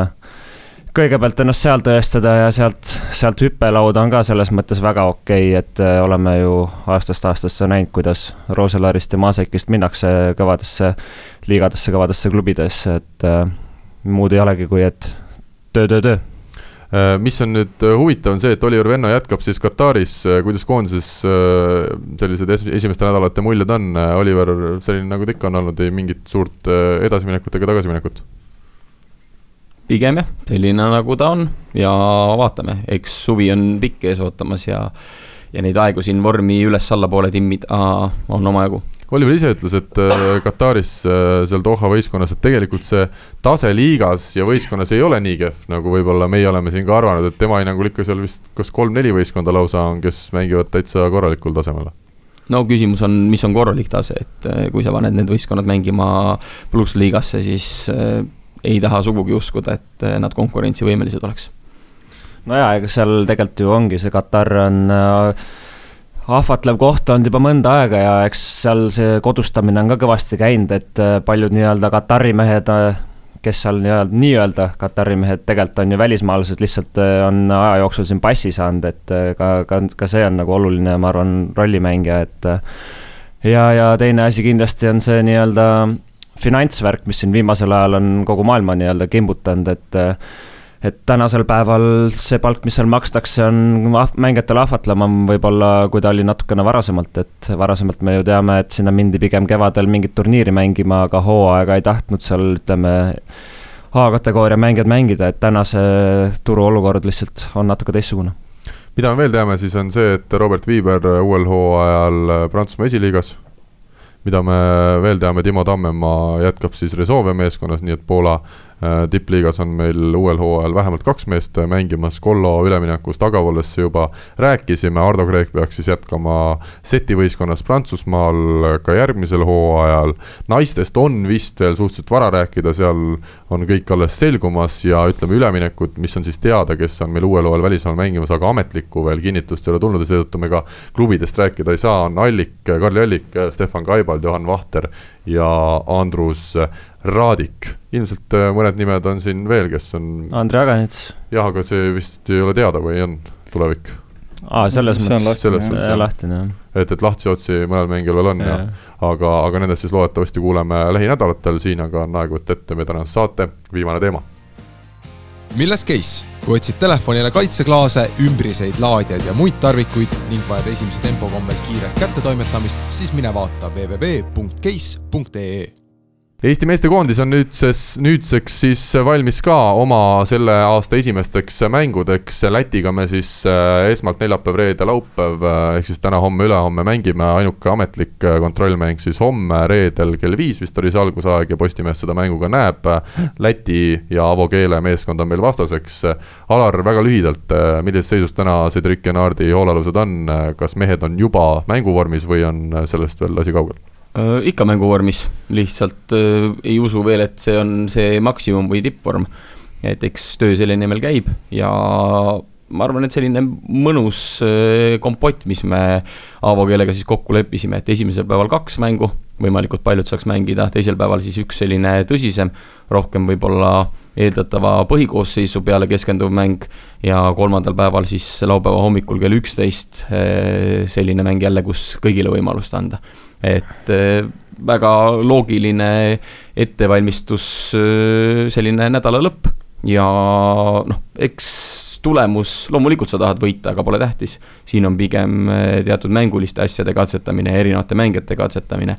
ega peatreeneril on ka ees ju öö, otsustamise koht selle nädala lõpus, et kui meil oli laagris kakskümmend kaks meest, siis hetkeplaaniga järgmisest nädalast jätkab kuusteist meest mis on siis teada Läti koondise kohta, ma saan aru, et Egleskans nende põhidiagonaal ei mängi, siin vähemalt neid esimesi siis selle nädala kontrollmänge, Petrovs ei mängi, Sauss ei mängi, et selline... jah, töörikkuja, ütleme kohe välja, et äh, Läti ikkagi nagu võiks, võiks Eesti vastu mängida loomulikult täiskoosseisuga, jah, ma saan aru, siin EM on tulemas ja, ja mingid mehed võib-olla, ma ei tea, vajavad puhkust või tahavad puhkust aga, aga noh, mis ma oskan öelda, ideaalis loomulikult aastaid juba me loodame, et saaks, saaks neid äh, tugevamaid nii-öelda mänge ja vastaseid äh, ja, ja noh, kui, kui mängid Lätiga, siis, siis sa ikkagi tahad parimate nagu poegade vastu selles mõttes mängida, et aga, aga noh, nii on ja, ja okei okay,, selles,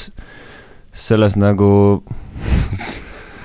olukorras ütleme, et äh, kasutame siis, kasutame siis seda võimalust, mis meil on ja, ja ütleme, piirid, piirid on äh, selles mõttes kinni, nagu nad on täna ja midagi teha ei ole, mida te hirmutate. head kuulajad, ma pean lihtsalt korra segama Rene juttu, sest. midagi mul näos oli. Robert Tähega on raske jääda siin väga rahulikuks, sest Rene on kuidagi oma näo mingi musta asjaga täis saanud. Tea, kas see on mikrofon või mis see sihukest värvi annab, aga igatahes Rene keset saadet hakkas ennast ise teadmata meikima, ütleme nii siis. eks õhtul on mäng ka tulemas äh, Rääk,. rääkides meikimisest, siis jah, nädala alguses toimunud öö, meeskonna photoshoot'il said kõik natuke puudrit näkku ja võib-olla hakkas nii meeldima. mis see oli, Rene, kas sa said aru või? vahet ei ole, minu hind just tõusis siin saates, kui mind veel näha tahad väga hea igatahes huhuhu äh,. aga, aga tähtsad on ikkagi, ma eeldan äh, järgmise nädala mängud Kuldliigas, et, äh, et see selle nädala värk on pigem selline harjutamine sõna otseses mõttes. Äh, nojah, Lätil näha oli, et ega Kuldliigaks ju Egleskansi on üleski antud, et see tähendab seda, et nad saavad küll veel mingisuguseid muudatusi seal teha listis, aga eeldatavasti ta Kuldliiga alagrupi turniiril ka ei mängi, mitte lihtsalt ainult nendes sõprusmängudes. et võib-olla Petrovs tuleb võistkonna juurde, aga Aavol oli plaan teatud meestele esimene suvepool anda puhkust, anda rahu ja ka meie võistkonnas äh, võib-olla see Kuldliiga alagrupi turniir ei ole päris sama koosseisuga, mis ta peaks olema EM-finaalturniiri koosseisus no,. Aga... lätlastel ka ju on see noor sidemängija, keda võiks siin kindlasti mängitada, ma arvan, et see on jälle see koht, kus saab kasvada, et on olulised mängud ja ja samamoodi ka meil on mitmeid neid mäng, mängijaid, kes täna veel ei ole mänginud koondisest äh, nii-öelda mingi auhinna peale mänge, et, et et need on need kohad kindlasti, kus mängijad saavad kasvada ja, ja kogemusi ammutada. Äh, noor sidemängija Scruders või? jah, et kuuldavasti, ma olen ise hästi vähe teda näinud ja kuuldavasti tegemist on andeka mehega. Alar, oled nõus? Äh, jaa, kindlasti selline omapärane käekiri, eks näis, kuidas äh, muu võistkond, et kui Scruders mängib Jekapilsis, siis on selline omanäoline see võistkond, aga nüüd teiste meestega, eks näha ole, kuidas tal see asi toimima läheb aga rääkides siis sellest Euroliigast jah, et äh, tähtsad mängud järgmine nädal, esimene alagrupi turniir Tartus, nädal hiljem alagrupi turniir Lätis. Ja ka peatreener on ju välja öelnud, et äh, me ei lähe Kuldliigasse lihtsalt mängima, vaid me läheme ka Kuldliigas tulemuse peale mängima, et eesmärk ikkagi on jõuda siis Belgias Korterikis toimuvale Final Four turniirile et teha see reedene mäng, mida ka inimesed Postimehe vahendusel näevad, natukene huvitavamaks, kas ma tohin teil paluda kõigile öelda üks nimi Eesti koondises, keda vähemalt treeningute põhjal kindlasti võrkpallisõber võiks huviga jälgida selles reedeses mängus? Rene Teppan. Rene Teppan nii, üks nimi on olemas, ma ütlen siis ühe sellise põneva nime, et eh, tal on olnud eh, mõningane koondise paus ja võiks olla selline üllatus kõigile, et milline ta välja näeb, kõik me teame ka, et klubi hooaeg läks päris hästi, ehk siis Karli Allik. ja Robbie no ma nüüd ei tahaks ta kätt värisema panna, aga, aga Renet Vanker jah, et äh, mulle saab endale ka kõrvalt äh, vaadates olema väga põnev, et kuidas ta saab nüüd nende äh, koondise kaliibriga, koon-, selle natuke no. kangema kaliibriga mängijatega hakkama, et, et äh, see, kuidas ta trennides tõstab, on huvitav ja, ja näha, et äh, mehes on on talenti, et, et tahakski nüüd näha, et kuidas ta tähtsates mängudes äh, hakkama saab ja noh, esialgu siis Läti vastu sõprusmängudes. ja kellel siis hüpe kõige parem Eesti koondisest on täna, ma nägin, te tegite neid katseid ka äh,. ikka Timo Tammemaa? testi järgi minu arust oli üks kolmik, kes eristus, kui me vaatasime vähemalt seda äh, rünnakuhüpet, oli Hurt äh,, Tammemaa ja Kordas Hurt, Tammemaa ja Kordas. no seal pead, sa pead kahte asja nagu võtma, üks on lihtsalt äh, hüpe maast lahti, teine on see nii-öelda löögikõrgus, et ja mina äh, pidasin just silmas seda hüppesentimeetrit, et see kolmik jäi mulle silma, aga noh, eks äh, need numbrid ka ajas kõiguvad, see oli aga... lihtsalt üks päev ühe trenni ajal tehtud hüpe. ütleme lihtsalt, et eks ole, võrkpallivõrk on natuke üle kahe neljakümne, kui kõrgele meil kõige kõrgemad mehed siis praegusel hetkel kerkivad? selle võitis Timo, kui ma ei eksi. kolm kuuskümmend midagi või? natukene üle kolme kuuekümne või oli kolm kuuskümmend. palju parimal nurgamehel oli? võin valetada, aga Märt Tammearu äkki oli kolm nelikümmend kaheksa nii et kõvasti üle meetri üle, jätkuvalt. Äh, mehed on heas vormis, seda on hea lõpetuseks tõdeda, jääme siis neid Lätiga mänge, järgmise nädala Kuldliiga mänge. Ootama, tundub, et me peame ka järgmise nädala siin Tartu stuudios ilmselt viibima, sest sest teie Tallinnasse, ma eeldan, et saate jaoks pigem ei tule. kas üldse tuleme? Enam? see on järgmine küsimus, see on järgmine küsimus jah, seda me hakkame arutama, aga küsimusi on meil tulnud ka kuulajatelt, seda me siis võtame ette järgmine kord ja kõik juba teavad ka ilmselt info, et võrkpalli24.ee on see koht, kuhu neid küsimusi saab saata. Ja lõpetuseks Argo Arak, nelikümmend viis, eilsel päeval. Mees, kes läheb aastatega ainult paremaks, õnnitleme teda siinkohal ja Argo, kui sul suviseks rannavoole hooajaks paarilist vaja on, siis äh, info et võrkpalli24.ee on ka see koht, kus saab kirjutada. Äh, palju õnne, Akse, ja seda viimast äh, vihjet palun ära tähele pane. ja palju õnne. õnnesoovid, jah ja mina tänan teid kõiki kolme, et te leidsite siin veel mängupäeval aega saatesse tulla ja, ja natukene võrkpallirahvast jälle valgustama. igatahes aitäh teile kõigile ja aitäh ka kuulajatele ja loodetavasti siis kuul-, kuulmiseni juba nädala pärast. kõike head. head aega Eesti kõige põnevamad podcastid on Delfis, kuula tasku.delfi.ee